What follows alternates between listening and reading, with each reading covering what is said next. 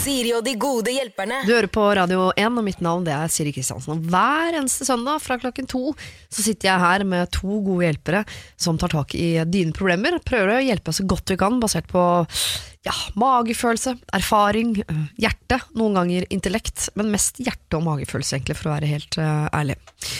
Eh, siste uken, siden uh, forrige søndag, så har jeg Altså, det er så vidt jeg har sett min egen uh, kjæreste. Lokføreren, som jeg velger å kalle han, fordi han har kjørt mye tog. Han har kjørt mye tog til og fra Sverige. Det tar tid å kjøre tog til og fra Sverige, så han har ikke vært så mye hjemme. Og jeg har ikke oppdaget noe jeg egentlig ikke visste fra før, for jeg vet at jeg egentlig liker å klare meg sjøl. Jeg liker å klare alt rundt meg sjøl. Jeg er ikke noe glad i å be om hjelp, jeg er ikke egentlig så glad i å få hjelp. Jeg vil bare, jeg vil fikse det. Og eh, når man da plutselig er alene hjemme en, nesten i en uke, med unger og bikkje og alt det der, og svømming og fotballtrening og middager og mat, alt liksom, eh, så er det litt deilig å merke at dette mestrer jeg. Dette får jeg til. Jeg klarer meg helt fint. Og samtidig blir jeg litt redd, fordi det er ikke så god følelse nødvendigvis å vite at åh, jeg får det til helt selv. Altså, jeg, jeg trenger ikke han. Og da ble jeg litt redd der en kveld. Hva hvis jeg plutselig en dag kommer fram til at jeg trenger ikke deg? Da må kjærligheten altså være så sterk at det er kjærligheten som holder oss sammen. Fordi det der med jeg er avhengig av han for å få det til, jeg er avhengig av han øh, økonomisk eller for å, øh, logistikkmessig, altså det er ikke der.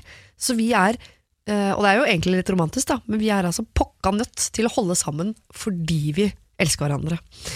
Og jeg problematiserte det til han. Altså, jeg vet at dette ikke er et problem, fordi jeg elsker deg, og det er ikke et problem. Vi må bare, vi må sørge for at vi elsker hverandre for bestandig, fordi vi, vi kommer ikke til å holde sammen pga. andre ting.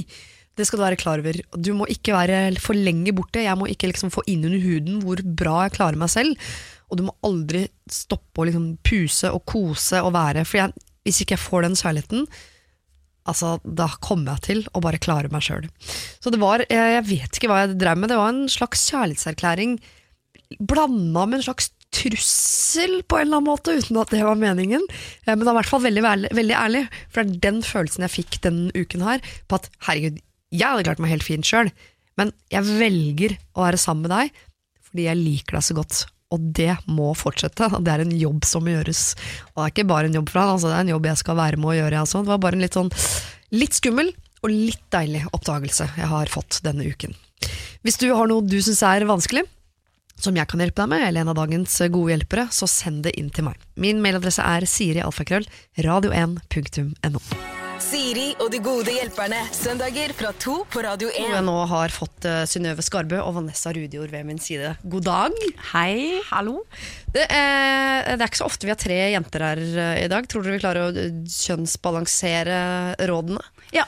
Jeg føler at Vanessa er en mann i hodet, så det skal gå helt fint. Ja, ja. Er det nytt for deg at folk tenker det om deg, Vanessa? Eh, nei, ikke hvis du kjenner meg. Nei. nei. Hva vil det si at du er mann til? Jeg har nemlig også fått uh, ja, fra to ulike psykologer som har beskrevet meg som oh. en mann. Mm. Er det sant? Nei, det, skal jeg si hva jeg vil si? Ja. Litt mer kyniske, litt mer uh, kompromissløse. Ja. Tar oss en kompliment. Tar oss en kompliment. Men hvor lenge har dere vært venninner? I eh, hvert fall 20 år. Er det vel mer nå? Ja, det er vel meg. Siden eh, Ja, det er vel iallfall 22, da. Ja. ja siden vi, vi, ble jo kjent når vi møttes i L, hvor Synnøve jobber som redaksjonssjef, og jeg begynte som moteassistent. Mm. Så du har vært sjefen til Ikke sjefen til Signy. Nei, det skjønner jeg. sjefen til Vanessa. Altså Du Synnøve ja. har vært sjefen til Vanessa, på en måte? Ja, Sett vekk ifra at hun hadde en egen motesjef, da. Men jeg var litt sånn redaksjonssjef for hele gjengen, ja. Men er ikke aldersmessig er det, Blir ikke det rart, på en måte? Mellom oss to? Ja. Nei, jeg er seks år eldre. Ja, ja det hadde du ikke at dere var hjemme. Takk igjen for komplimentet. ja, altså, jeg bare øser ut komplimenter i dag, det er det jeg driver med. Eh, dere har en podkast sammen, eh, bortsett fra den, som dere vel slipper ukentlig. Har dere noen andre eh, planer for høsten som vi vil høre om? Eh, jeg rydder på si, ja. ved siden av podkasten. Gjør mye sånn ryddegreier foredrag og ja, ledig for oppdrag. Ja. Ta kontakt hvis det er av interesse. Tenk at du kan reise rundt og fortelle folk ja. hvordan du skal rydde. Ja. Herregud, så gøy. Mm. Du da, Vanessa? Eh, jeg har ingen planer. Ingen planer for høsten? Nei. Skal du rydde? Eh, det skal jeg ikke. Jeg er veldig rodete i forhold til Synnøve. Ja. ja. Hva tenker du når du kommer hjem uh, til Vanessa? Jeg tenker aldri at det er veldig rotete. Det er veldig fint styla, så det veier opp Ja. Bra styling av rot. Det er en god Ja, altså Jeg har tenkt at jeg er veldig rodete. Jeg har alltid hørt at jeg er rodete, men eh, når jeg ser hvordan jeg kommer hjem til andre folk enn Synnøve, Mm. da skjønner jeg at eh, herregud, jeg er jo ikke rodete. For folk er jo noen griser. Ja. Det Så du er egentlig normal. Jeg tror det. Ja. Det er Synnøve det er noe gærent med. Ja. Ja. Men jeg tror nok Synnøve, Der er vi ganske like. ja, og det er så deilig. Ja. Å, er du det? Ja, hun er ordentlig. Ja, jeg rydder ganske mye hver eneste dag. Ja, det, men det trenger ikke du da, hvis du har det ryddig. Ja, Må du drive og opprettholde det hele tida? Nei, jeg har en mann som er ganske ryddig, og så har jeg en sønn som er ganske ryddig, og så har jeg en datter som Hoarder. Oi, oi, altså hun, Det virker som om hun ble skapt uh, for å hente ting og legge det andre steder. Altså, det, er, det er det hun driver med. I ni av ti timer. Så der har vi en utfordring. Siri og de gode hjelperne. Eh, Dere skal få et uh, dilemma av meg før vi setter i gang med uh, store, tunge, blodige problemer. Og dilemmaet i dag er alltid ha klærne på vranga eller montere et Ikea-møbel hver dag. Å, klærne på vranga. Ja, jeg går for klær på vranga hjemme. Ja. Det gjør jeg rett som det, uansett. Ja, det gjør du. Faktisk. Men hvorfor eh, Altså, alle klær hver dag, eh, fest og hverdag, alt. Ville ikke blitt flaut i lengden? Nei, Da hadde det blitt greia mi, på en måte. Så, så hadde folk, og da måtte man liksom bare kommet på eh, klær som òg var fine på vranga. Og det fins jo en del klær som Vrengpels, kan brukes begge, begge veier. Ja. Mens det å jeg, jeg, Det var ikke så lenge siden jeg skulle bygge en sånn liten sånn så barn kan stå på, sånn liten trapp. Ja, ja. Det brukte jeg en hel dag på, nesten. jeg. ja. Så hvis jeg må skru opp et skap fra Ikea altså det, det, Nei, det hadde mista Hadde du blitt veldig liksom- dreven i det da, etter hvert? Altså, det er samme møbel hver Ja. dag. Fordi I begynnelsen hadde jo ikke du fått gjort noe annet, antageligvis, eh, Vanessa. Men etter hvert så hadde du jo tatt det mens du spiser frokost. Ja, det samme skapet. Ja. Ja, det hjelper jo faktisk litt. Da har det blitt litt sånn trening, og så kunne man Det er litt kjedelig å måtte ha det på to do-lista hver dag. Skru opp skap. Jo, men Nei, jeg samtidig går for vrengt og uansett. bukser Nei, Ja, vet du hva, jeg går for skapet. Sorry, sorry. Jeg angrer meg veldig. Jeg tar skapet. Ja, fordi I starten så kan det bli en sånn fashion statement, liksom. Og så på sjuende året Hun kommer, hun. ja. Med Nei, men det er bare å ha klær som ikke er så veldig nøye på om det er ute inn, da. Så blir du singel, så må du ha trusa på vranga. Så har det der fliken ut. Nei, det blir skapet. Ja. Nei, jeg, jeg velger klesskapet, ja. På feil vei.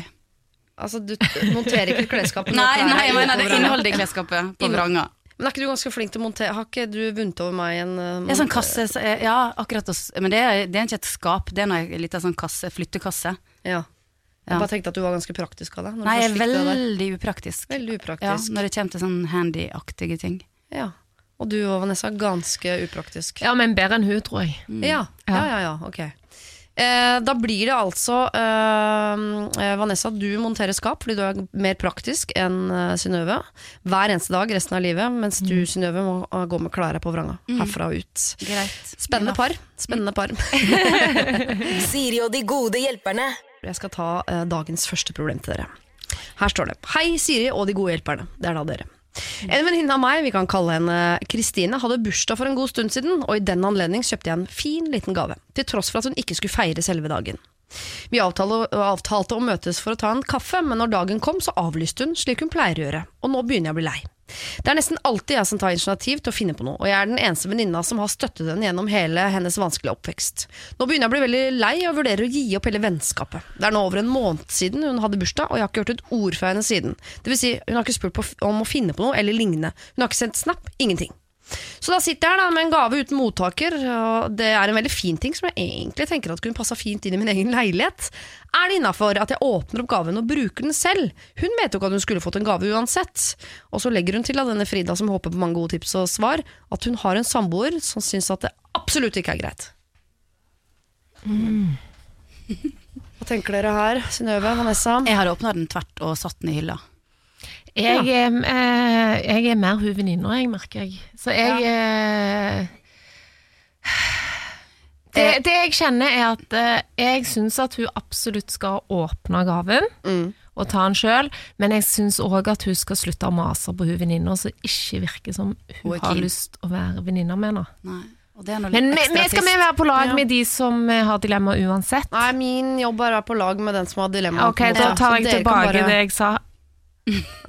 Ja, ja. Ja, for det var litt sånn uh, Men det er noe ganske tydelig, tenker jeg, at hun venninna som hadde bursdag, ikke er sånn kjempeivrig på å opprettholde dette vennskapet.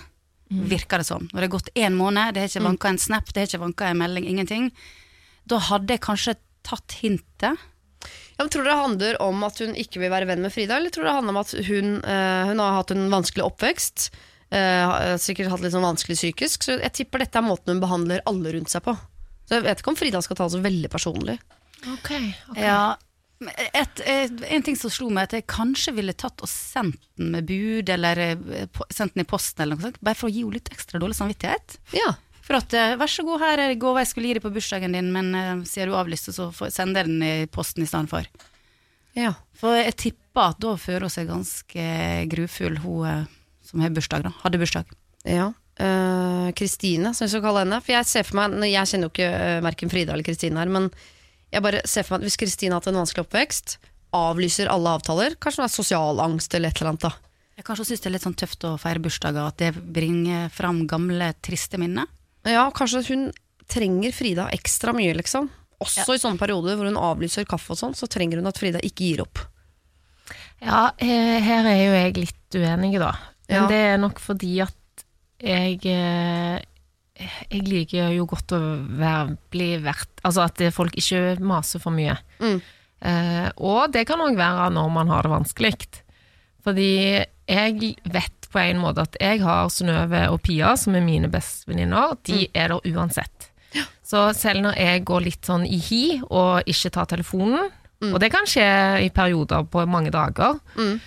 Eh, og det kan godt være at Synnøve og Pia blir litt sure, men jeg eh, mener at eh, de skal være så gode venner at de er der uansett, selv om jeg er litt sånn dårlig venninne som ikke tar telefonen, fordi nå sliter jeg litt. Da vil jeg være i fred, så ikke mas mer på meg, men jeg tar kontakt når jeg er klar. Og da mener jeg det må det være rom for i et vennskap. Så da er du egentlig ikke, det er ikke du sånn snurt og alene som egentlig sier sånn nei, jeg orker dere ikke, og så vil du bare at de egentlig skal komme på døra med kyllingsuppe og dra dem ut på Nei, diskotek? det er jo helt jævlig. Ja, for det er jo klisjeen på amerikansk film og sånn, at det er det de egentlig vil. Han sitter bare hjemme, ikke ta telefonen og vil at de skal komme og hente deg, på en måte. Nei. Nei, det er litt vanskelig for oss å vite, da, om hun, hun eh, Var det Kristine hun heter, hos venninna? vi kaller henne Kristine. Kristine, ja. Mm. Det er litt vanskelig for oss å vite hva som er den egentlige grunnen. Om det er at hun er lei av henne, Frida, Mm. eller om det er at hun faktisk bare trenger å være for seg sjøl. Ja. Uh, Det har gått en måned, og det syns dere var veldig lenge. ja, men det bare jeg lenge. Jeg har, mange, altså jeg har venninner jeg ikke kan snakke med på månedsvis. Det tenker jeg ikke over. Ja, det har vi, men nå hadde de på en måte en avtale som ble brutt av Kristine. Ja, Og da syns jeg på en måte at da er det litt hennes sitt ansvar. å si, Du, nå kan vi godt ta denne kaffen.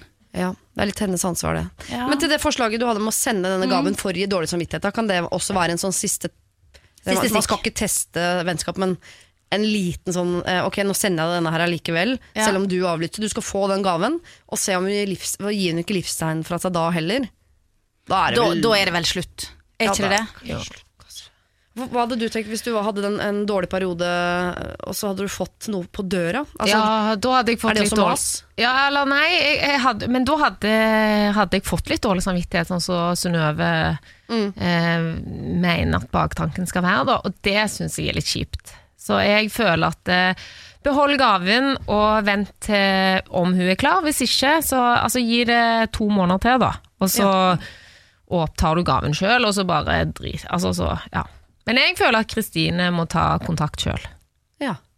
Ja. Så her, altså, Frida, du kan åpne gaven, eller du kan vente. Hvis du har lyst til å bare være litt sånn uh, gi en dårlig samvittighet, så sender du Eller bare gaven. være grei. Du kan gjøre den dekka. Nå er jeg veldig grei. Vær så god, en måned forsinka. Her er bursdagsgava di. Ja, du kan- løgger. Du kan godt dekke til og late som om du er grei, men hvis det er litt sånn hevnbasert, det der å sende den gaven, så er det lov. Masse forståelse for det. Ja. Jeg har masse hevn i meg, så sånne ting er veldig veldig gøy. Eller hvis du er et bedre menneske, da, fordi at du faktisk er grei, uh, Ja. så sender du jo den eh, gaven. Men hvis du aller mest bare har lyst på den sjøl, så pakker hun opp. Og så gir du venninnen din to måneder til, og gir henne liksom sjansen til å gi livstegn fra seg. Og hører du ikke noe, så er det lov å bare backe ut fra hele greia. Siri og de gode hjelperne. Søndager fra to på Radio 1. I Rent Me synger hun eh, Selena Gomez på denne Kygo-låta. Og det er uh, litt grann gøy, fordi Vanessa Rudor, du sa i stad um, Ville du vært én meter kortere eller én meter høyere? Eh, og vi falt vel ned på alle tre at det er bedre å være én meter kortere. Og det bekrefter jo Selena Gomez, hun er jo ca. ja, er jo det også. Hun er ikke 70 centimeter jo 70 cm høy, og kanskje det deiligste lille mennesket i hele, hele verden. Men er det hun som driver med heroin? Eller blander jeg korta nå? Oi, nei, ja, du blander, for Ja. det er um, Ja, det er hun andre. Hun andre, ja. Altså Demi. Demi, Lovato, som driver med heroin. La oss håpe hun ikke gjør det akkurat nå, da. Ja. Jeg tror hun er på rehab. Oi, oi, oi. ja. For en eller annen gang i rekka. Nei, Selena er bare liten og deilig, Mm. for å være helt ærlig. Og sikkert flink til musikk. Nå er jeg mann igjen, ikke sant? Sikkert flink sikkert flink til å synge. For den mannegreiene, da. Eh, dere, vi skal ta et problem til som er av mer sånn praktisk eh, sort. Mm. Eh, og eh, til deg som har skrudd på nå, så kan jeg jo si at dagens gode hjelpere er Synnøve Skarbø og Vanessa Rudjord. Em, kjære Siri og de gode hjelperne. Jeg bor i et lite borettslag, og vi har en felles parkeringsplass som i utgangspunktet skal ha plass til alle bilene til oss som bor her. Men problemet er at det er flere som parkerer sånn at de tar to parkeringsplasser, slik at det ikke er plass, og man må parkere et stykke unna. Noe som er skikkelig irriterende, når det egentlig er plass til alle. Det kan da ikke være så vanskelig å parkere innenfor to hvite streker. Jeg har sendt mail til styret, og en av de aller verste til å parkere sitter i styret.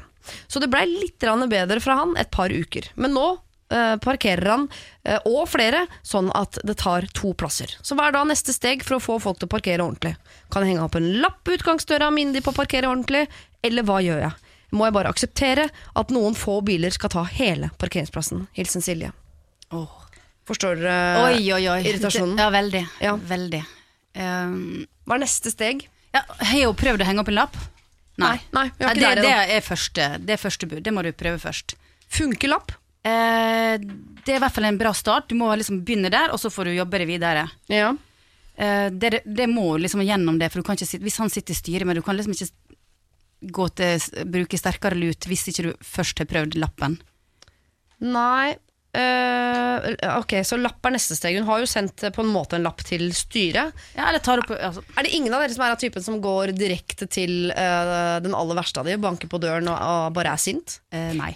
Nei. Eh, Ikke jeg. var Jo, jeg sikkert. ville gjort det. Ja. Jeg ville gått eh, på den, altså, den som gjør det. For sånn lapp og sånn, da blir du den psykoen foran alle, og da virker du liksom åh, gud, er det hun i borettslaget, hun er irriterende. Og du vil jo ikke være hun.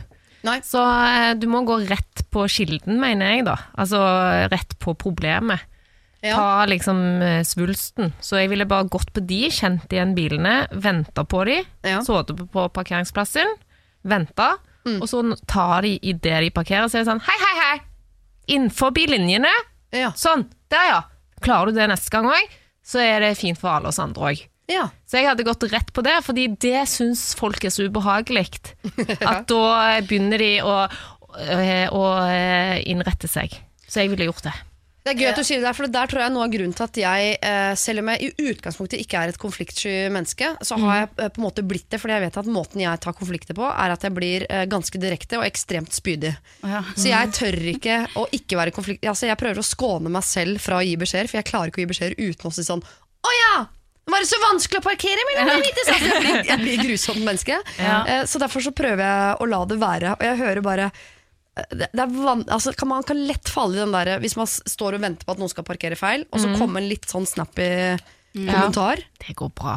Nei, vet du hva, da hadde jeg gått resten av livet og uh, håpet på å ikke møte på vedkommende igjen. Og det hadde gjort, gjort det til en veldig vanskelig ting å, å bli boende der. Jeg hadde måttet flytte, jeg da, for jeg hadde ikke holdt ut tanken på at jeg kan møte han jeg kjefta på i oppgangen. Det holder ikke ut. Men en liten hyggelig lapp i, rett på bilen under vindusvisken, for det gjorde naboen min med meg. Ja. Og jeg har ikke parkert feil en eneste gang etterpå. Jeg har riktignok lagt han for hat, men uh, Ja, for det, det var Den- eh, underskrevet uh, lapp, så du vet Ja. hvem som Mm. sendte den og sånn. Ja. Det var ikke noe sending, det var, lå under vindusviskerne. Her er det ulovlig å parkere. Ja. Veldig hyggelig om du kan finne en annen plass neste gang. ja, men du hater den naboen. Ja, Ja. men jeg, jeg syns det er bedre eh, enn at, no, at noen hater meg litt, enn at jeg må gå og være redd for å møte på naboen i oppgangen hver dag.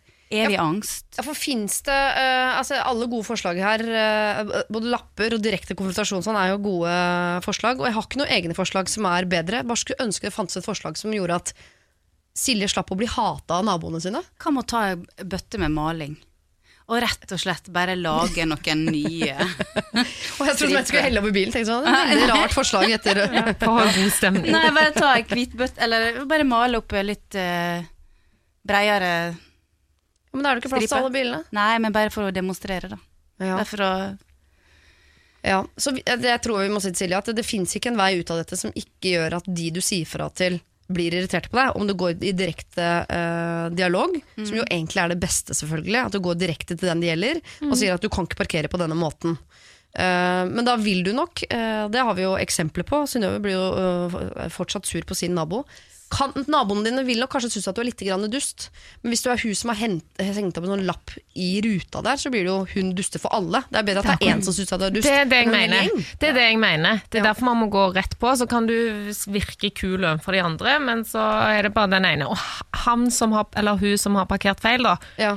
Det, det gjør jo ingenting om den personen hater deg, fordi alle hater jo den personen som parkerer feil. Ja, så jeg mener at det Nei, men Å ja, sånn, ja. ja skjønner. Det er bare naboen Det er nå bare vedkommende som ser lappen. Det er ikke slik at alle går forbi Oi, her henger det en lapp i en bil. Nei, for lapp i oppgangen tror jeg vi skal unngå, for da Ja, ja, blir det hun ja. dama som driver med henger opp lapper. Sånn, bilen. mora di jobber ikke her, Ja. lapp. Altså, det må Ja. ikke. Det vi går for her, Silje, er en mer sånn eh, eh, Altså en eh, taktikk som gjør at du går direkte på problemet. Du må ikke begynne å henge opp lapper i borettslag og bli hun dama. Vips. Så har du katter. Ting skjer. Så du må gå rett på. Og har du baller til å gå rett bort og snakke til vedkommende, så gjør du det. Men det er veldig, veldig lov, og eh, mer vanlig for så vidt, å bare skrive den lappen, men du må legge den direkte på den bilen det gjelder. Og en det, siste ting som jeg tenker ja, veldig viktig. Ikke velg han inn i styret igjen. Nei, du må ta plass i styret sjøl, skyve han fyren Oh. ut til sida, Ja. og så gjøre om parkeringsplassene til blomsterbed. God idé! Det er veldig Oslo-aktig å si, men det er ikke så veldig dum i sted. Eh, eh, lykke til, eh, Silje. Siri og de gode hjelperne. Søndager fra to på Radio 1. Og dagens gode hjelpere her i Siri og de gode hjelperne heter Vanessa Rudjord og Synnøve Skarbø. Eh, jeg sier noen ganger Skarbø, noen ganger Skarbø. er det mulig å få korreks på det? Skarbø. Ja. Og jeg sier Ja. noen ganger Rudjord, noen ganger Rudjord. Å, Mm. Rudjord rett ut, eller? Rudjord. Rett fram. Ikke prøv å være så fransk på det. Ja, ja det, Jeg er prøver bare å Porsche dere opp på en eller annen måte. Gjør det litt mer fransk. Ok, jeg skal si det rett fram herfra. Dere, Vi skal over i, altså, over i kjærligheten, for her er det en uh, som trenger litt råd. Jeg har i noen år nå hatt en god guttevenn, kall han gjerne Leo. Jeg har aldri sett på han som noe annet enn en venn, med unntak av eh, godt etter midnatt, når flaskene var tømt og minnet viskes vekk, og da har vi alltid endt opp på fanget til hverandre. Det har skjedd litt sånn nussing og sånn, men aldri noe mer, og tanken har ikke streifet meg heller. Men ja, det kommer selvsagt, et men her. Mot slutten av sommeren, eller tidlig høst, da, som dere arbeidsfolk ville kalle det, så skjedde det derimot noe mellom oss. Ikke bare fanget og nussing denne gangen, altså. Vi ønsket begge å møtes igjen etter denne helgen vi hadde sammen, men fikk det ikke til før vi dro hvert til vårt, med unntak av en 20 minutters tur på natta før vi skulle reise bort for å studere. Problemet nå er at vi bor i hvert vårt østblokkland, og er veldig usikker på hva han føler om situasjonen. Vi snapper og snakker, og det er en hyggelig tone, men jeg er klar for å ta steget litt lenger, og ønsker egentlig noe seriøst. Men hvordan skal jeg ta tak i det hele, eh, og i det hele tatt klare å utvikle det når vi bor i hvert vårt land? Jeg er usikker på om det bare er jeg som er ivrig, og at jeg bare vil ha en kjæreste, og at jeg her bare går for det første og beste. Eh, dessuten er jeg ikke så konfliktsky, men jeg har brent meg såpass mange ganger på å være direkte og bestemt når det kommer til gutter, at jeg har blitt mer og mer redd for å åpne meg og være så direkte. Da. Og jeg ønsker ikke at jeg nok en gang skal være hun som bare har tatt styringa. Jeg vil også legge til at det er ikke et alternativ å flytte, så her er det snakk om studier på tre og, halvt, nei, tre og fem år som skal og må fullføres. Hilsen Fiona. Fiona her, Vanessa Synnøve, lurer på hva hun skal gjøre med denne Leon, som bor i et annet land enn henne, og hun vil ha noe seriøst. Det høres nå litt håpløst ut. Nei, er det sant? Ja, tre til fem år i hvert sitt land. Hvert sitt Ja. østblokkland. Ja. Og hun har ikke lyst til å Men jeg, det første jeg tenkte her, var at her må Vanessa på banen, for hun har i hvert fall en veldig klar formening om hvorvidt du skal være ærlig med han du er keen på, om Ja. du skal si det, eller om du skal uh, Play the game. play the game. Og da sier bare Vanessa Rudjord Take it away. Fortell oss.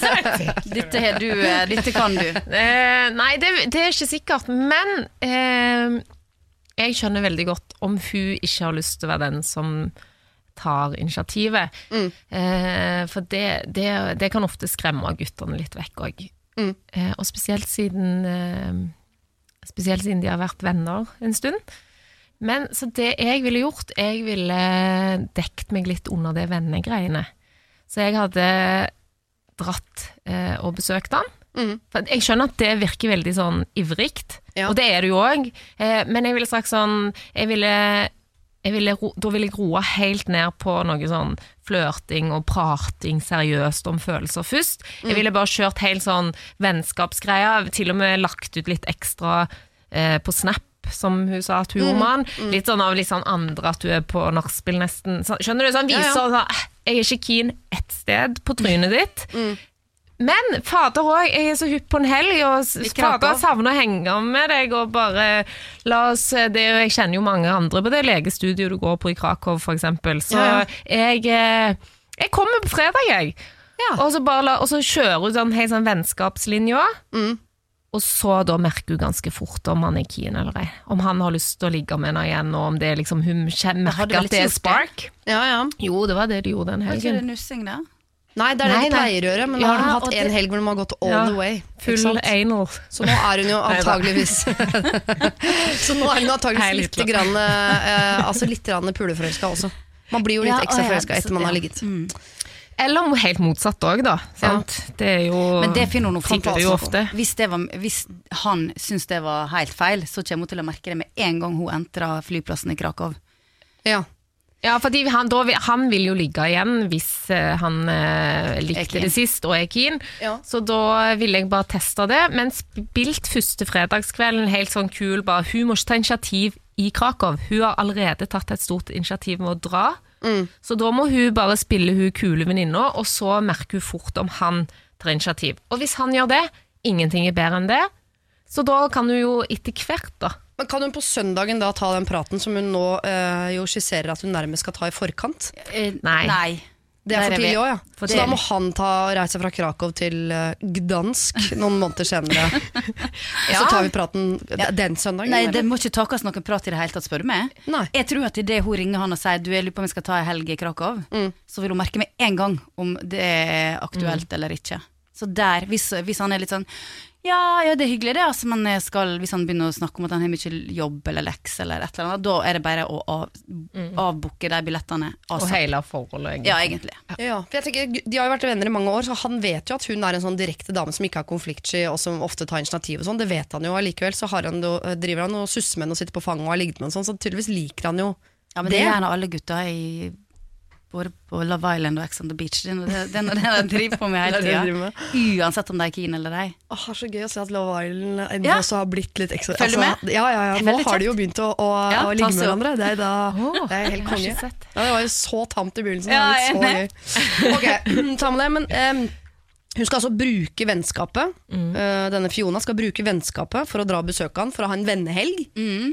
Og så nok en gang bare se hva som skjer underveis i festen, men ikke ta noe mer initiativ annet enn sånn Faen, det vært gøy å besøke deg, være litt sånn kompis. Ja, jeg mener det. Jeg Det syns det er en god idé, og det er òg da taper hun ikke ansikt. Eh, pluss at eh, det er en fin måte for henne å finne ut om han har lyst mer og igjen. Og Så- ikke gå i han- spritfella. Ikke gå i den der og ta noen glass, og så Veit du hva, jeg er egentlig kjempekeen. Nei. Den, er, den må hun unngå.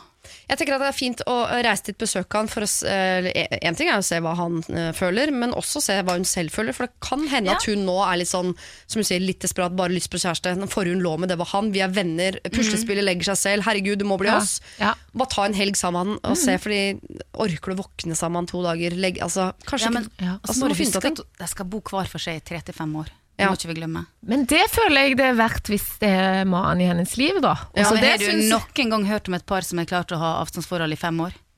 Ja? Ronny og Tuva i P3. Ja.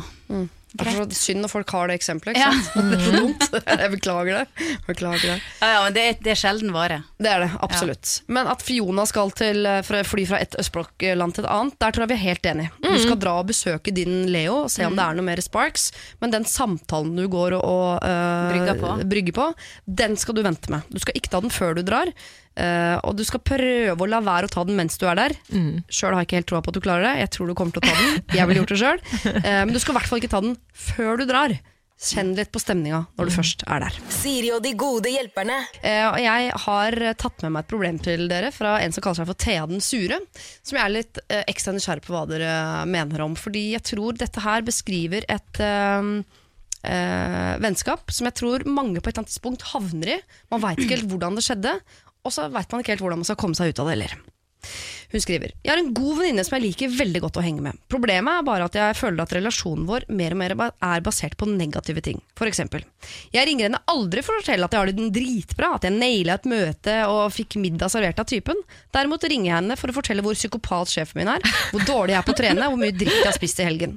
Og jeg gjør vel kanskje dette fordi jeg merker at denne informasjonen gir henne og vår relasjon mer piff enn positive gladsaker.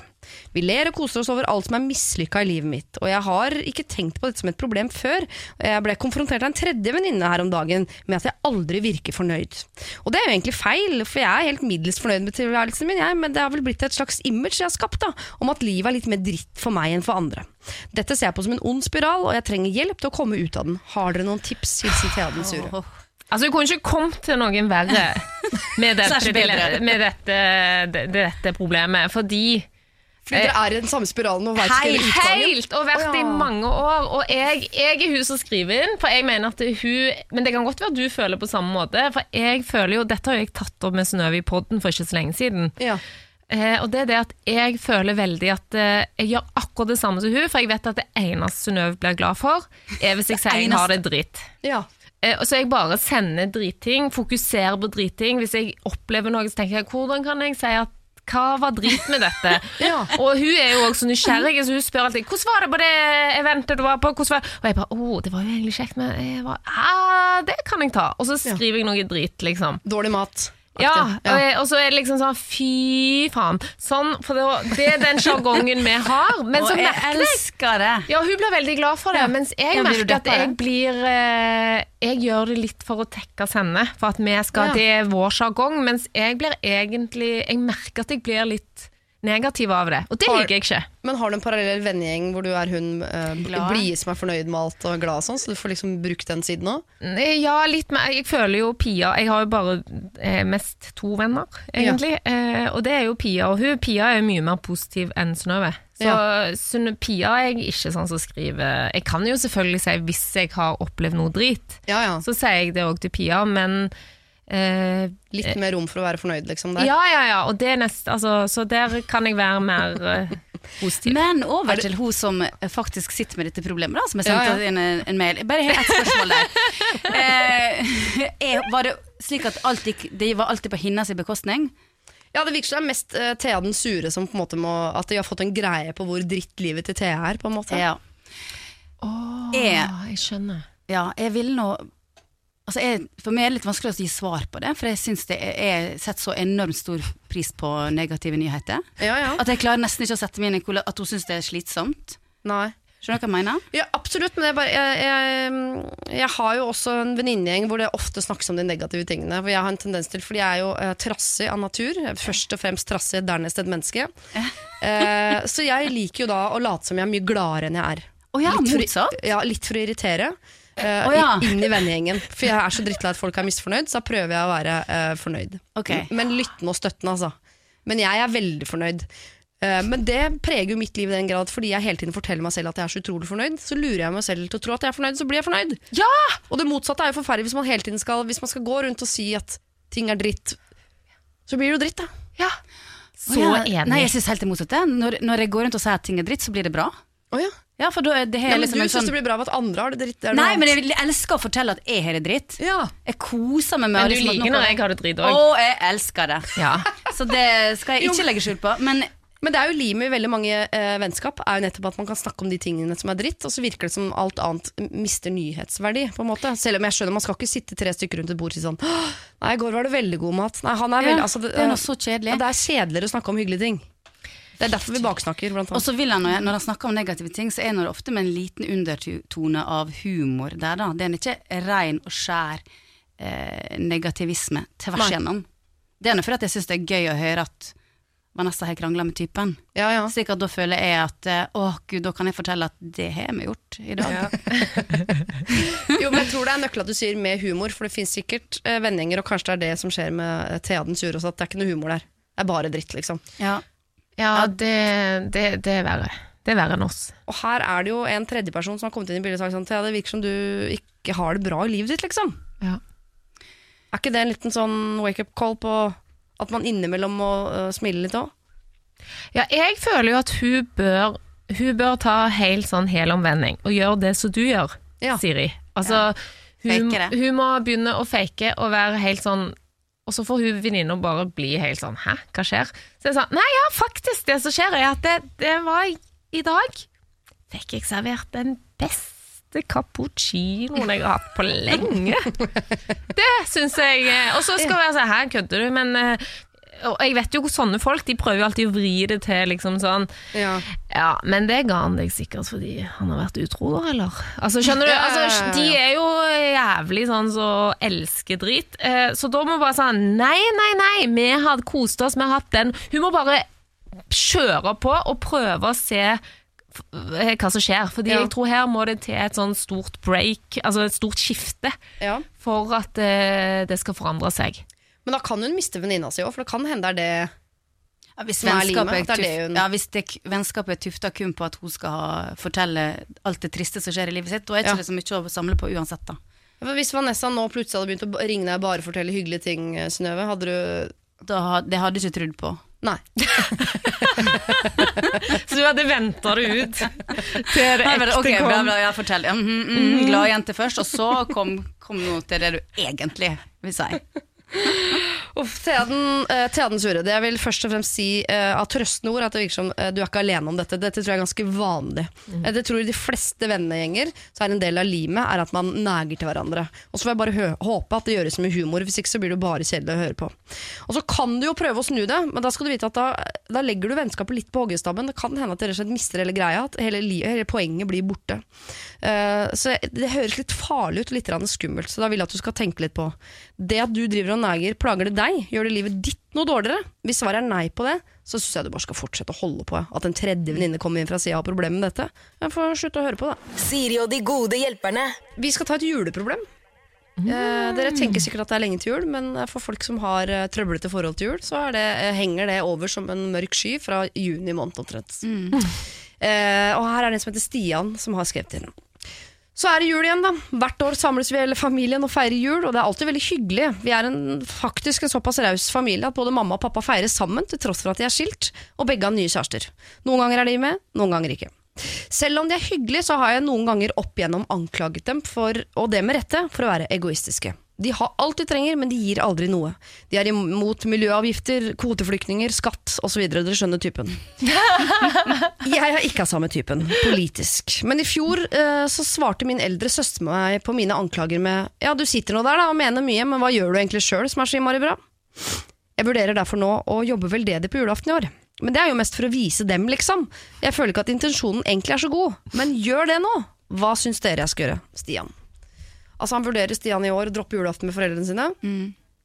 Og jobbe veldedig på julaften, men mest for å irritere søstera, føler jeg. Ja, det syns jeg er helt greit. God idé. Jeg, jeg God ble frista sjøl. Ja. Ja. Altså, jul, Hvor mange juler skal han oppleve til, med mindre han er dødssjuk? Det er mest sannsynlig ganske mange. Så det kan, han kan feire jul når som helst ellers. Men å vi, bare få vist at han står for noe mer enn uh, ikke betale skatt, Mm. så videre, det er en knakende god idé. Ja. Jeg har ingenting å si at intensjonene hans ikke er helt 100% Han skriver jo ingenting om hva han eventuelt som typ jobber på Blå Kors eller et eller Ja. annet da, på julaften. Uh, har det noe å si for dem at han egentlig er der for å, å trasse i sin egen familie? Nei, de vil jo bare det. De, det er jo en bra gjerning uansett, da. Ja. Og jeg føler de fleste som eh, driver med bra gjerninger, gjør det jo veldig ofte for å ha en god selvfølelse sjøl. Ja. Og da kjenner jeg liksom at eh, da er det litt sånn samme det, da. Samme det Jeg tror ingen til. som er helt sånn gode hundre Gjør noe kun fordi du skal liksom lage mat til eller hjelpe til. Jeg tror det er alltid en lite sånn snev av eh, egoisme da, for å kjenne at det, var digg. Og da, så det, kjenner- det, det, det, det syns jeg er null problem. Ja, jeg synes det er en bra tenkt- sak uansett. Jeg har vurdert noen ganger sjøl, men det er først og fremst for at jeg syns det er kult å si det høyt. Ja etterpå, vet du hva jeg gjorde? Vet hva, ja, mm. Jeg vil droppe gaver i år. Jeg Ja, sto vi- på Blå Kors og serverte suppe. Ja, men vet du hva jeg tror? Vet du hva jeg tror? Jeg tror at han det, det, det, Første gang kommer det til å være det, og det hadde jeg òg tenkt. Uh, Ja. Men jeg tror at når han står der, Mm. så kommer han til å ha lyst til å gjøre det hvert år. Fordi jeg tror det er så meningsfullt når du først står der og hjelper noen og gjør noe som betyr jævla mye mer enn å sitte hjemme med familien og koke og bruke masse penger på gaver. Jeg tror det er en kjempegod idé. Og så vet du hva han òg kan legge inn? Han kan legge inn 'ingen får gaver av meg, jeg trenger heller ingen gaver'.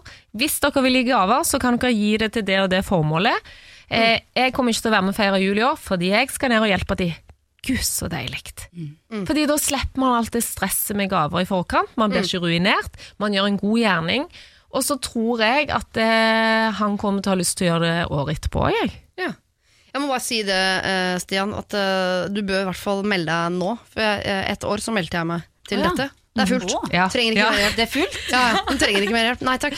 Men takk hva sant. meldte du det? Fins det sånn egen På side? Blå Kors. Akkurat Blå Kors, ja. Men er ikke det mange andre plasser du kan være? Sikkert, men da var det så dypt min uh, veldedighet stakk. Ja. At det var den ene researchen. og så var- når jeg da fikk nei, eh, så dro jeg hjem og feira jul med familien. Du kan dra på Kattehuset, sikkert, du Synnøve. Feire med de kattene. Ja, mm. og kose med de på julaften. Men det eneste, for jeg liker veldig godt det du sier, um, Vanessa, om at uh, jeg vil heller ikke ha gaver, send det dit osv. For det hadde vært fint om uh, Hva Stian gjør på julaften, er jo det er et fett, egentlig, det store bildet. Det er jo den familien man får Ja, for å vente om deg til å ja, snu litt syn på ting. Og jeg bare ser for meg at hvis Stian blir sånn Ses ikke på julaften i år, jeg skal på Blå Kors, så kan, de, så kan det hende at de i enda større grad tenker sånn Ja, da blir det mer ribbe på oss. Ja, at de uh, syns hele den eh, ja, hvorfor skal vi At de blir enda surere sjøl, liksom. Fordi da er det Å ja, da har de tatt fra Stian òg nå. Disse f- forbanna uteliggerne, liksom. Hvis de er av den typen, da. Bare lurer på det. Tatt fra Stian! tatt med seg Stian, da. Jeg bare lurer på om, de, om han kan få sitt engasjement til å smitte over på familien sin i større grad. Om det er noe mer taktisk. Om han skulle lagt det til første juledag, eller Nei, et, slik jeg hø- tolker den familien, så er det kanskje litt for seint å snu dem. Ja. Mm, ja. De er mest sannsynlig 50-60 år nå, foreldre. ja. Det er ikke så mange som forandrer personlighet etter den tid. Men jeg syns det at eh, hvis han kan få deg til å gi en skarve sum inn på en konto til Blå Kors i stedet for, så er det for det, for, jeg tror han må være fornøyd med det. Ja. Ja, da sier vi det. Stian, du spør oss om hva du skal gjøre på julaften i år. Eh, vi syns du skal la være å feire julaften med familien din i år. Du skal gjøre noe veldedig. Samtidig så skal du si til familien blir ikke noe gaver fra meg i år. Jeg skal heller ikke ha noen gaver til. Eh, I så fall så vil jeg at dere skal donere penger til eh, dette veldedige formålet. Om ikke du klarer å endre de gamle, sure folka i familien din, så kanskje de har noen barnebarn eller noen nevøer og nieser eller noe sånt, som kanskje kan se på deg som en slags ledestjerne som får snudd den der nei til skatteskuta som familien din har satt seg opp i. God jul til deg, Vare. Siri og de gode hjelperne. Dagens hjelpere er uh, Synnøve Skarbø og Vanessa Rudjord. Jeg har gitt dem en liten pause fordi jeg har lyst til å rette blikket bakover til en eh, sending jeg hadde tidligere i høst sammen med Linnea Myhre og Thomas Fingeren Gullestad.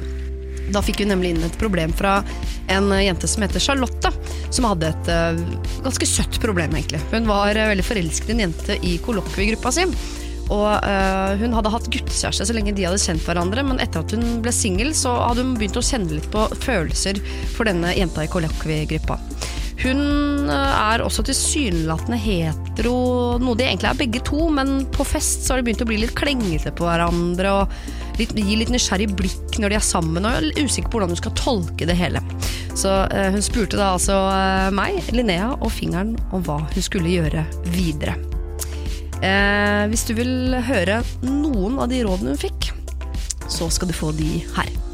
Herregud, så spennende. Oi, Fikk så lyst til å være 18 år og studere på Blindern. Jeg fikk eh, hjertebank jeg nå. Kan man ikke eh, gjøre som man gjorde i gamle gamle dager? Da man eh, satte i gang sånn nødt eller sannhet for å liksom fremprovosere at man havnet i en situasjon. Ja. For å se om liksom Ja, eller jeg, jeg er aldri sånn som man gjør nå. Så, Jeg er aldri. Ja, og så drikke på det der man ja, og legge fram en sånn Jeg ja. har, har aldri vært blitt forelska i ei jente før. fikk et, eh, en scene inni hodet mitt, og det kan hende dette er galskap. Men hvis, eh, nå, er jeg, nå leker vi 'jeg har aldri'. Charlotte sier, eller noen sier 'jeg har aldri uh, vært tiltrukket av en jente'. Charlotte drikker, Andrea drikker. Da bryter Charlotte ut 'du òg'! Herregud, så gøy! Da må jo vi Ja. kline! Og som vi ser da om Andrea blir sånn mm. Å, fader, skal Om hun blir kvalm, eller om hun blir glad. Ja, eller om hun sier ok, og så blir hun med på det. Og så, ja. Gjør det litt sånn lekent. Samtidig, det er ikke så jævlig farlig å si om man Eller altså, det, det at så jeg bare tenker at, at det å, å si at man er, blir forelska i begge kjønn, det er jo ingenting som er finere og mer naturlig enn det, på en eller annen måte. Da. At man kan, kan kunne snakke om det på en fest uten at det blir sånn hemmelighetskremmeri, eller at uh, hvis jeg sier det, så ødelegger jeg sjansene mine. Og uansett om hun kanskje ikke er forelska i det, så kommer hun fortsatt til å like det som, Ja. som venninne, liksom. Det var altså noen av rådene som Linnea Myhre og Thomas Fingeren Gullestad ga til eh, denne Charlotte. Eh, og hvis du vil høre resten, så får du laste ned eh, podkast fra altså 5. august med Linnea Myhre og Fingeren. Men nå har jeg fått ny mail fra Charlotte, eh, hvor hun skriver Hei! Jeg sendte inn et problem til dere tidligere i sommer om at jeg var forelska i en jente i kollokviegruppa mi. Da jeg hørte rådene, ble jeg så glad, og bestemte meg for å følge rådet om å spille Jeg har aldri på fest, og drikke på spørsmålet om girl crush. Hehe. Men det er ikke alltid ting går som planlagt, så i august så begynte jeg å date en fyr som jeg syns er kjempeinteressant, og vi har det kjempegøy sammen. Hooket, jeg har også hooket med en annen jente på byen rundt den samme tiden, og vi har også fortsatt kontakt. Så status per nå er at jeg dater en fyr og har en kvinnelig elsker. Men som da ikke er denne jenta i kollokviegruppa. Og denne jenta vet jeg fortsatt ikke om har noe interesse for meg. Men uansett, tusen takk for råd. Selv om ikke jeg fulgte rådet, så koser jeg meg med situasjonen slik den er nå, selv om jeg ikke kan fortsette dette dobbeltspillet. Hilsen Charlotte. Helt enig, altså, du kan ikke fortsette det dobbeltspillet nå, men fra ingenting til dobbelt er jo ganske bra. Så nå må du bare finne ut av hvor du har lyst til å lande, og trenger du hjelp med det, så vet du hvem du skal spørre. Siri alfakrøll, radio1.no. Siri og de gode hjelperne. Søndager fra to på Radio 1. Vi skal over til et litt um, pikant problem, om jeg får si det selv, som Morten har vært elskverdig å sende inn til siri at radio1.no. Hei sann! Jeg har Han skriver sånn. sånn. Morten. Hei sann!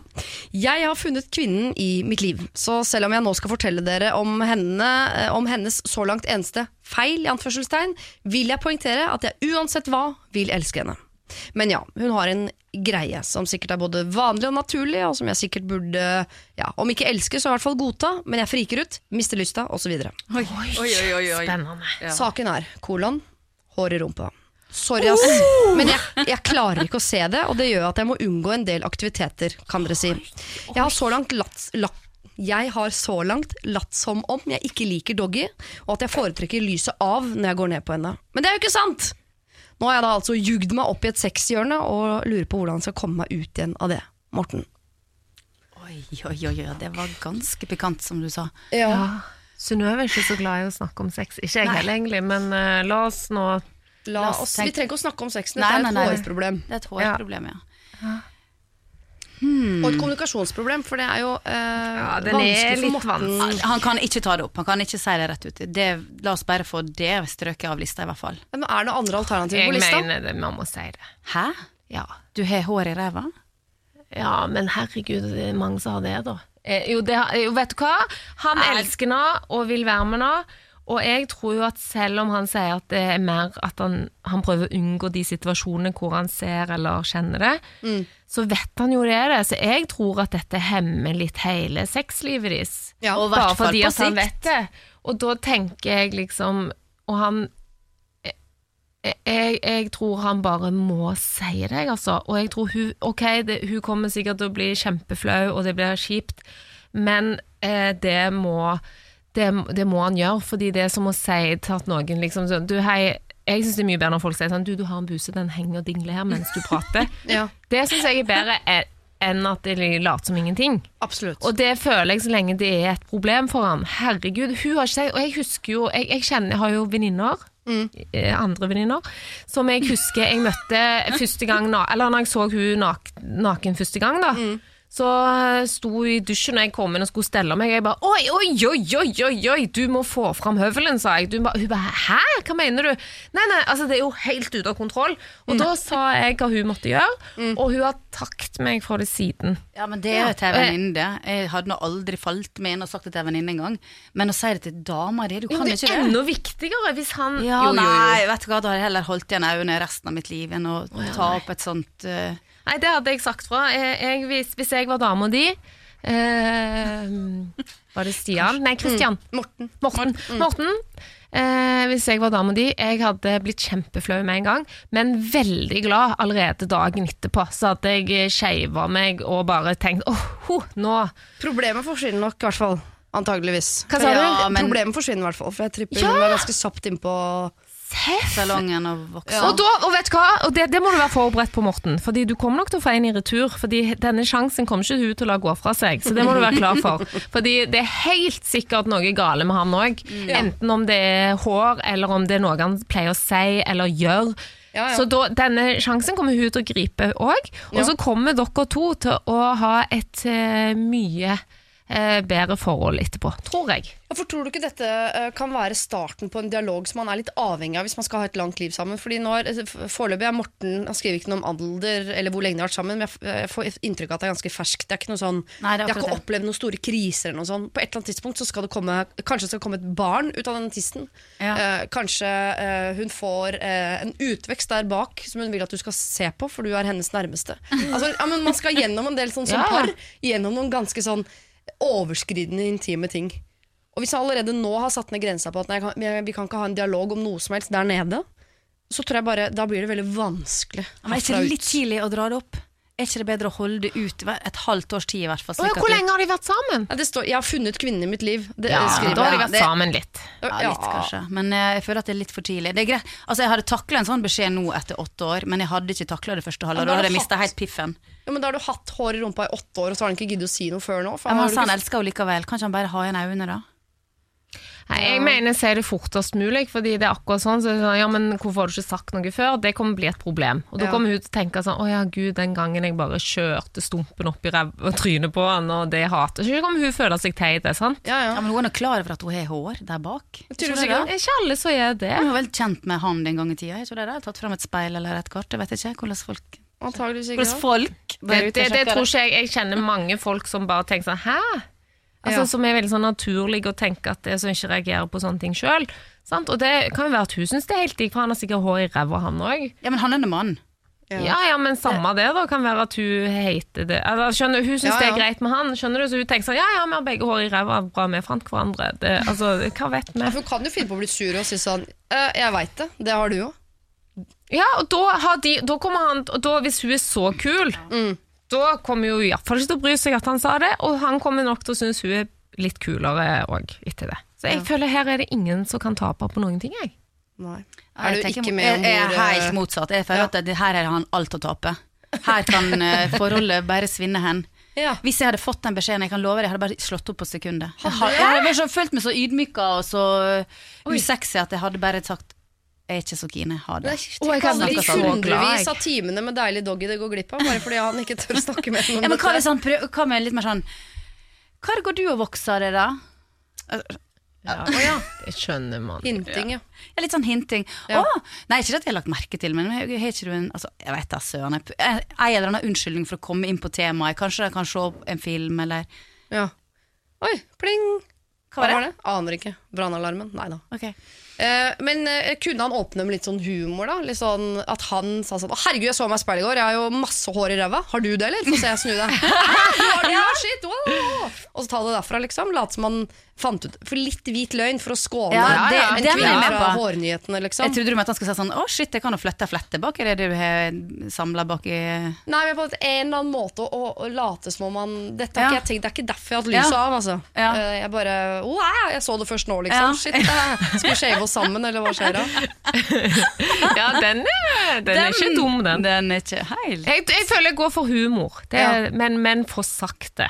Ja. Fordi hvis du føler deg kvinne i ditt liv, så må du bare få sagt det. For det er som du sier, Siri, skal gjennom mye greier, og hvis det henger ved som sånn ah, Ja. Det er litt dumt, da. Tenk, ja. Og hun kom, jeg tror hun kommer til å bli glad. Og uansett om hun dumper deg eller ei, så kommer du til å bli lykkeligere og ta det håret med neste typen. Så Ja. du gjør henne en tjeneste uansett, tenker jeg. Nå skisserer du at hun går fra han, og så blir han sammen med en annen mann. Nei, nei, jeg mente at hun blir sammen. Ja, sånn, ja, ja, Morten, ikke bli redd, ikke bli redd, ikke bli redd. Eh, men vi går for at du må si det her, men kanskje prøve å si det med litt uh, humor. Tenk på alt det du går glipp av. Og det kommer til å bli kleint, hun kommer til å synes det er en vanskelig beskjed å få, men du kommer til å gjøre noe med det. Og så kommer du til å være evig takknemlig etterpå. Siri og de gode hjelperne. Vi skal eh, over til et problem som jeg, Her tror jeg nok at Lena, som er innsender, eh, trenger litt mer sånn eh, heiing, liksom, mer enn hun trenger konkrete tips og råd. Mine gode hjelpere i dag er Synnøve Skarbø og Vanessa Rudjord, og det er altså Lena som har sendt inn. Vi er i år 2018, men allikevel forsøkte nettopp sjefen på ulovlig vis å permittere meg fra jobb bare fire måneder før jeg går ut i mammaperm. Dagen etter klarte jeg heldigvis å både snakke og gråte meg til å forbli i jobben fram til permisjonstiden, men her kom problemet. Jeg føler meg altså så nedstemt om dagen og syns det er kjempevanskelig å sitte på en jobb hvor jeg føler meg så lite respektert og verdsatt hver dag, selv om jeg vet at det bare er noen måneder igjen. Så kjære dere, har dere noen oppmuntrende ord til en førstegangsfødende og kanskje noen tips om hvordan arbeidsdagen min kan bli litt lettere framover? Jeg vil så gjerne glede meg over barnet som kommer, istedenfor å tenke på denne suppa. Så har dere noen tips? Lena.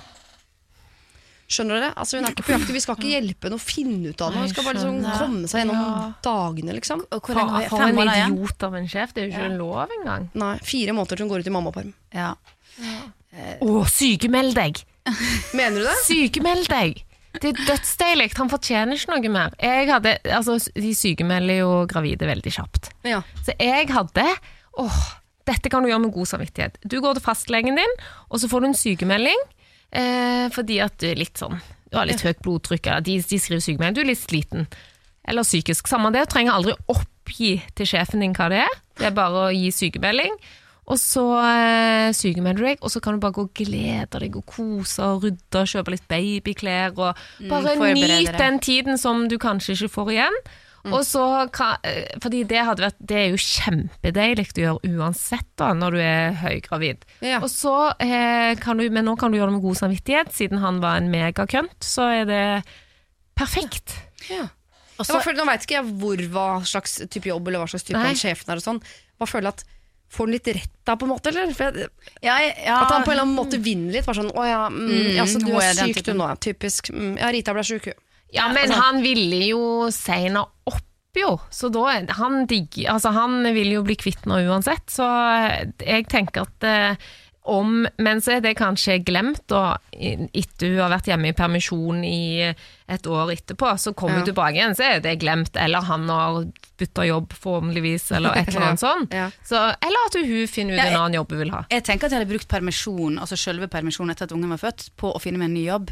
Det var det første som slo meg, at han skal få hevn. Ja. Men, um, men jeg, jeg tenkte sånn, ja, sykemelding, topp. Men det er litt enig med Siri der. Da, da blir hun litt sånn loser-aktig. Da, er ikke hun liksom rak i ryggen og sier du, bare flytt deg, for jeg har rett til å jobbe her. For jeg er ganske, ja. terskelen min for sykemelding er ganske høy. Det, jeg synes jeg, man, skal, man skal være ganske sjuk før man sykemelder seg. Ja. Helt uenig. Ja. Nei, jeg, jeg, men jeg er veldig sånn eh, Moralsk. Jeg nekter å innrømme at jeg er sjuk når jeg er sjuk, f.eks. Jeg skal ha en øks stående i panna før jeg går til legen. På en måte. Ja, Um, jeg, jeg mener jo at eh, dette handler Jeg føler ikke det handler så mye om det. Jeg tenker mer at det handler om at dette er noe hun gjør mot han, så han kommer til å hate at du gjør. Ja, og Han, han vet jo vekk fra jobben. jo, uansett. men samtidig han har ikke lyst til å betale de sykepengene. Det har han ikke lyst til, for det er litt hassle, og så må de ansette noen andre. Hun Ja. skaper jo problemer for han, for vil jo, han vil jo egentlig bli kvitt nå. altså, du er litt på så sånn 'Å, du vil bli kvitt meg? Følg med nå'. ja, du blir kvitt meg, men jeg får betalt. Ja. Det er jo perfekt. Ja, men du får vel- ja, men Det du får vel ikke full like. Det er hevn, ja. Det er jo ikke, Ja, det men er er det hevn når du får bare 60% av eh, lønna di? Hæ, du får 100 hvis du har en eh, vanlig avtale, så får du 100 fordi Hele tida? I Nav, Nav betaler de reste... Altså, eh, Nav betaler de 60, og så er det de 40 må jo selve eh, arbeidsgiver betale. Det er derfor okay. det er kjipt. Så det er minus på kontoen for han, da? Jeg har, jeg har vært sjef i mange år. For aldri, Ja. altså det er aldri Du får full lønn. Jeg har vært sykemeldt òg, som dere sikkert skjønner.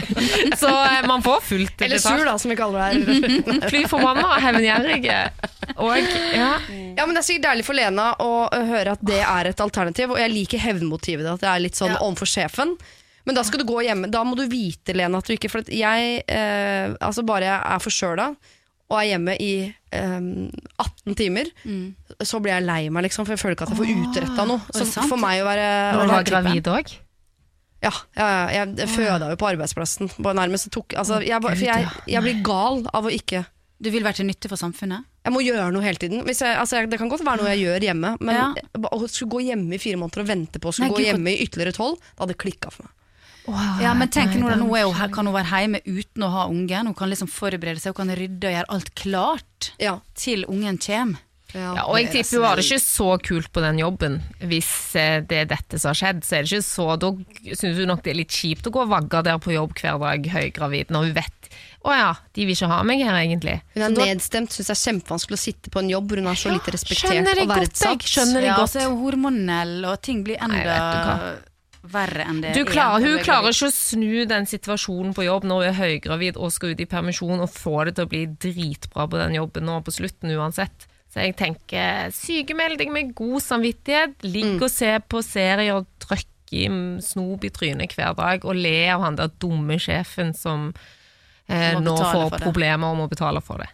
Hvis du er en som du vet at du koser deg når du, går, eh, når du er hjemme, så, uh, så syns jeg hevnen i dette er veldig søt. Da syns jeg du skal tenke Ikke, at, jeg, ikke tenk jeg skal syke meg, tenk sånn Jeg skal hevne meg. og så gjør du det. Jeg skal hevne meg. Uh, og så syns jeg du skal uh, absolutt skal glede deg, selv om det er ikke så uvanlig å ikke glede seg sånn masse, fordi man er først og fremst redd når man skal få sitt første barn. Og så kommer du til å, å være veldig veldig redd de første tre månedene, og så kommer du til å begynne å glede deg på sikt. Ja. Og så syns jeg du skal bruke den permisjonen først og fremst til å ha det bra, men også til å se deg om etter en annen Ja. jobb. For du skal ikke tilbake dit. Nei. Og ta epidural, kan vi slenge inn den òg, vær så snill. Gjerne eh, narkose for min del. Jeg foretrekker narkose. Jeg syns det er absolutt det beste. ja? Kjørte full narkose. Jeg har egentlig ikke født. Begge gangene. Også, Ja. Ja, snakker vi keisersnitt? Ja, ja. Ja, okay. To keisersnitt og ikke noe amming, så jeg vet ikke egentlig hva det fødegreiene er for noe. For. Min kropp vet ikke hva føding er. Bare hørt om det og lest om Ja, det. men det lever du fint med, tenker jeg. Absolutt. Ja. Siri og de gode hjelperne. Søndager fra to på Radio 1. Vi skal eh, til en frustrert og umøblert kvinne som har en samboer med dårlig smak. Hun eh, skriver Jeg og min kjæreste ble nylig samboere, noe vi har gledet oss til lenge. Men det viser seg altså, etter to år sammen, at jeg ikke har innsett hvor dårlig smak han egentlig er. Eh, han mener nemlig at funksjonalitet trumfer estetikk i alle ledd. Vi snakker plastplanter istedenfor ekte planter. Vi har prøvd utallige ganger å møtes på midten, men det blir krangling uansett. I og med at han tydeligvis ikke bryr seg om interiør, har jeg meldt meg til å fikse det meste, og spør han om eh, hjelp når jeg trenger det. Det har resultert i at han nå syns at alt i huset er femi, og er veldig misfornøyd. Når han får ansvaret, drar han på Biltema for å handle kjøkkenartikler. Jeg vil veldig gjerne at vi skal ha det eh, fint hjemme, like fint som vi har det i forholdet vårt ellers. Så hva gjør man da? Burde vi leie inn en maskulin interiørdesigner som jeg bestikker? På forhånd, tusen takk. Frustrert og umøblert. Hvordan er det hjemme hos uh, Nå har jeg jo eh, nylig sett eh, huset ditt, uh, Synnøve, i et uh, blad. Der er det veldig hvitt og minimalistisk, Mm. og lite duppedingsete. Ja. Er mannen din fornøyd? Han Ja, det er han. For det at vi har bare fordelt litt. At det er mitt ansvar. Men jeg, jeg har før bodd med en mann som elsker Mickey Mus. At hele huset var fullt av, og han insisterte på å ha masse sånn Mickey Mus-kunst, og, Oi. og det, det ble slutt. Ja, ja det Ja. går ikke, faktisk. Men nei, heldigvis er ikke min mann så veldig opptatt av, av interiør. Nei, det er det beste. Ja. For da kan man kjøre veto på alt. Ja, så jeg, Hvordan er det hos dere, da? Du, eh, vi har eh, Jeg har gjort eh, fulgt hennes eget råd, jeg. Ja. Fordi at eh, Jonas er ikke så opptatt, eller samboeren min er ikke så opptatt av eh, at det skal være så funksjonelt. Han vil det skal være ordentlig, men han er opptatt av at det skal eh, være fint. Eller han har litt sånn meninger om hva som er fint, og der Ja. var jo vi litt forskjellige. Og han var litt sånn opptatt av Faktisk litt opptatt av funksjonalitet, eller at det, at det skulle være praktisk. Fordi vi hadde en kjempestor sofa som var sånn mørkegrå, og den hadde jeg så lyst til å ha hvit, selv om jeg akkurat hadde fått en til unge. Eh, og da var han sånn Hæ, den kommer til å bli ødelagt med en gang, og skitten. Og jeg bare sånn Åh, kommer aldri til å få igjennom det. Nei. Det jeg gjorde da, var at eh, da fikk vi en interiørarkitekt som skulle hjelpe med andre ting òg, men da bare sa jeg hun får gjøre alt, så slipper meg og deg å krangle. Så hun bestemte Det er jo litt dyrt, da, så kan, det er ikke alle som kan det, men kanskje hun har ei venninne som kan hjelpe nå. Som hun bare sier er litt interiørarkitektaktige. Bare sånn at du får en nøytral part, da. Men jeg sendte jo mail til vår interiørarkitekt, så skrev jeg topp, du kan si alt vi skal kaste og beholde, gjøre alt. Bare én ting. Du må skrive at den sofaen skal trekkes om. Ja. At den skal bli hvit. Og det bare la hun inn sånn fint. Så det var så deilig. Og, og for når hun sier det, så er han med en gang Ja, herregud, det må vi gjøre. Og da har han glemt alt mitt mas. For han bare De er veldig på å følge interiørarkitektene. Men det hun kan gjøre, hun kan jo f.eks. da gjøre det litt billigere. Hvis du ikke har råd til å ha en interiørarkitekt, så kan du rive ut eh, bilder fra interiørmagasiner, for det liker òg gutter. De må se det, liksom. Og Ja, si sånn Se, syns du dette var fint? Ja. Og så er liksom, da blir det litt sånn interiørarkitekten, Eller kanskje liksom. kan lage hvert sitt moodboard. Altså sånn, vil, ja, men Vis meg noen ting du syns er fint, og så viser jeg deg noen ting jeg syns er fint. Og så ser vi om er det noe av det du syns er fint som jeg liker, og motsatt. De tingene kjøper vi. Og så kanskje avtale at biltema ikke er plassen å kjøpe utstyr. Ja, og kanskje skal noen sånne veto. Jeg husker sånn, jeg og, og da min eh, lokfører hadde veto på klær på et tidspunkt. At han fikk lov til å bestemme et klesplagg i mitt klesskap som jeg måtte kaste. Og jeg fikk eh, bestemme et klesplagg han måtte kaste. Hva kasta han da? Nei, da mistet jeg dessverre min eh, høyt elskede olajakke. Som var så deilig fillete. Oi. Den fikk jeg ikke lov å beholde, for det var det styggeste han visste om. Og hva ba du han kaste? Ja, ja, han måtte kaste en strikka genser i veldig mange farger. Sånn restegarngenser? Ja, sånn, så, jeg trodde det var noe som lå igjen etter eksdama hans, så jeg trodde at jeg, at jeg bare kunne kaste det uansett, men viste seg han sa sånn nei, den er min. Den er Dyr strikka genser. Så, så den måtte jeg kaste. Plutselig hadde jeg kasta bunadcapen til eksen. Eh, Som hang igjen. Altså tar du ikke med deg pakket ditt når du blir kasta ut, så får det være samme, tenkte jeg. Så den kasta vi. Eller jeg, da. Men, eh, så hvis Men- man kan kjøre litt sånn veto på sånn 'dette må jeg ha', Ja. eh, så noe sånn, tre, disse tre tingene må jeg ha. Disse tre tingene må jeg ha. Og så at man på hverandre sa sånn 'den får du ikke ha, den får du ikke ha', men resten må vi bli enige om. Ja, god idé. Ja, eller så ville jeg først, før jeg begynte å komme, alle, komme med alle mulige sånn kompromissløsninger, så ville jeg spurt sånn Du, hva hvis? Kolon. Jeg bestemmer alt interiør. Så får du, og så gir hun et eller annet. Altså Enten at eh, da skal hun støvsuge for resten av livet, eller at, at hun gjør et eller Ja. annet. da Men det er jo hun som har bestemt alt nå. Nå trives ikke han, for det har blitt så utrolig femi der. Ikke sant? Ja. La oss si at hun har sånn kid interiør altså alt, Det er drivved og pynteputter i alle rom. Det skjønner jeg at det også er vanskelig. på veggen Ja, og- home love Ja. på alt. Det er, det er vanskelig å være mann sånn- oppi de greiene der. Ja, det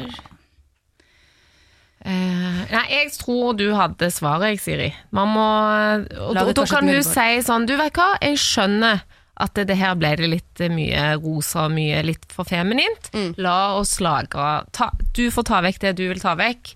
Dette vil jeg på Altså den. Ja. Eh, sånn Arveoppgjør, liksom. På en måte. Før det blir Men da kan du risikere å få en globus som barskap og alt mulig. Ja, ja, men da får du ha det, da. Jeg har hatt sånn eh, Jeg har måttet svelge noen sånne. Ja. Sånn er det. Men hvis du er opptatt av interiør, så tenker jeg det, eh, da får du ta det som en utfordring. Da får du få den globusen til å funke i helheten på en eller annen måte. Ikke sant? Det er lett Mix å få and match. pynteputer til å matche med lysestakene. Det skal være en globus der òg. Ja, Lykke til. Lykke Ja. til. Og det skal være hele DVD-samlinga hans og Nei, den må ut. det gamle anlegget og Nei, ja. den må ut. Glassbordet og den svarte skinnsofaen må ut. Noen eh, regler må vi ha. Eh, lykke til, sier jeg bare. Uh, jeg syns det høres bra ut at du har en mann som har noen meninger om interiør. Selv om det er veldig deilig med de mennene som ikke har det. Men det hender at de også på sikt begynner å få opp litt interessen.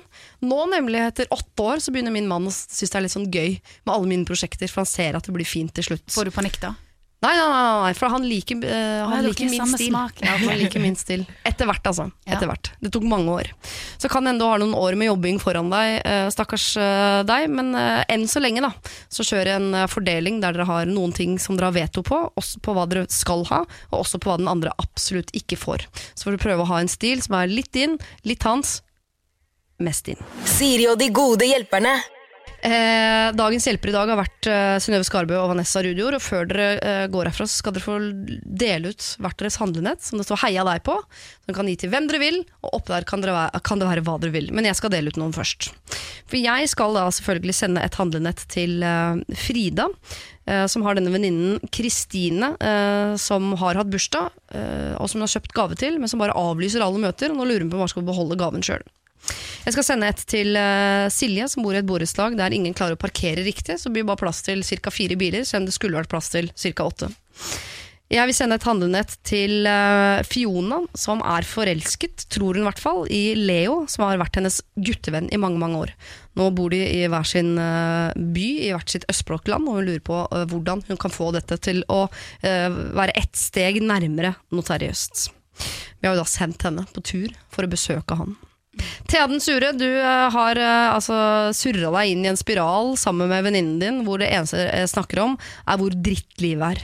Det virker som det er det som liksom nærer deres vennskap. Det er at du snakker om hvor dritt ditt liv er, og hvor lite du får til.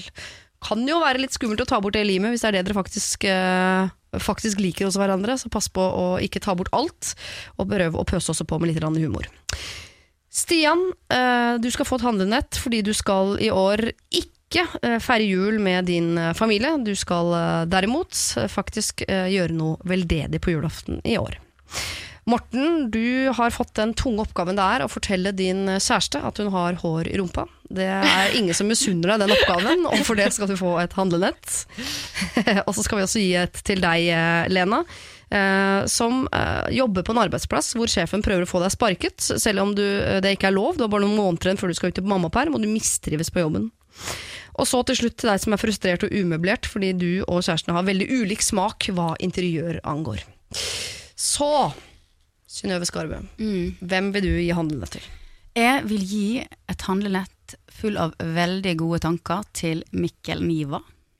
Som er Ja, hva er han? Komiker? Skuespiller? Programleder? Impro-skuespiller, Ja. skuespiller, ja. En fantastisk fyr som jeg alltid har beundra og alltid syns er veldig veldig morsom. Mm. Og nå har han laga en dokumentar på NRK som jeg syns er helt fantastisk. Og den, ikke, den heter Uten pappa, er ikke det Mm, det? Ja. Den er ikke helt ulik den eh, radiodokumentaren som du i sin tid lagde. Men han er altså vokst opp uten faren sin, og han har vil, eh, vil komme til bunns i hva var det som skjedde. Hvorfor Mm. forlot du oss, pappa? Og eh, hvordan, altså, hvordan kunne livet mitt vært hvis jeg hadde hatt kontakt med han igjen? Og så følger du han liksom i den prosessen, da. Og det, det er så fint. Veldig mange morsomme grep og fine grep, Ja. og masse andre mennesker involvert i produksjonen. Så er, er utrolig sånn rik. Ja. Der har, ikke, altså det ikke, der har de ikke spart på noen ting. Nei, det er ikke så Utrolig kult. Ja, veldig, veldig kult. Og jeg koste meg, altså jeg så alle episodene på rappen, og Mm. jeg fikk bare, altså jeg liker han om mulig enda bedre nå. Ja. Så den anbefaler jeg til alle, og jeg syns han fortjener en stor, stor, altså en stor pose med gode tanker og kjærlighet Jeg kan alle. faktisk gi det til han fysisk, fordi Oi. han skal være min gode hjelper neste søndag. Nei, om nøyaktig en uke. Oi, oi, oi. Helse. Så Hel det skal, da får fra ja, jeg skal hilse fra deg. Ja. Eh, hva da eh, med deg, Vanessa Ruer? Da eh, kjenner jeg at min faller litt igjennom, for jeg har tenkt eh, å gi handlenett til eh, sønnen min på to år, Ja. med fullt av boller. For han er besatt av bolle. Han Ja. sier bolle minst eh, 50 ganger om dagen, så tenkte jeg han skal få et handlenett fullt av boller. Er bolle et av hans første ord? Eh, eh, ja, var kanskje det. Det var lys, for han sa lys, lys. Min Men- sønn òg! Lys! Første Ja. ordet han sa. Før han sa mamma, så Ja, pekte ja. han på lampa og sa lys, lys, lys. lys. så er det hele veien lys!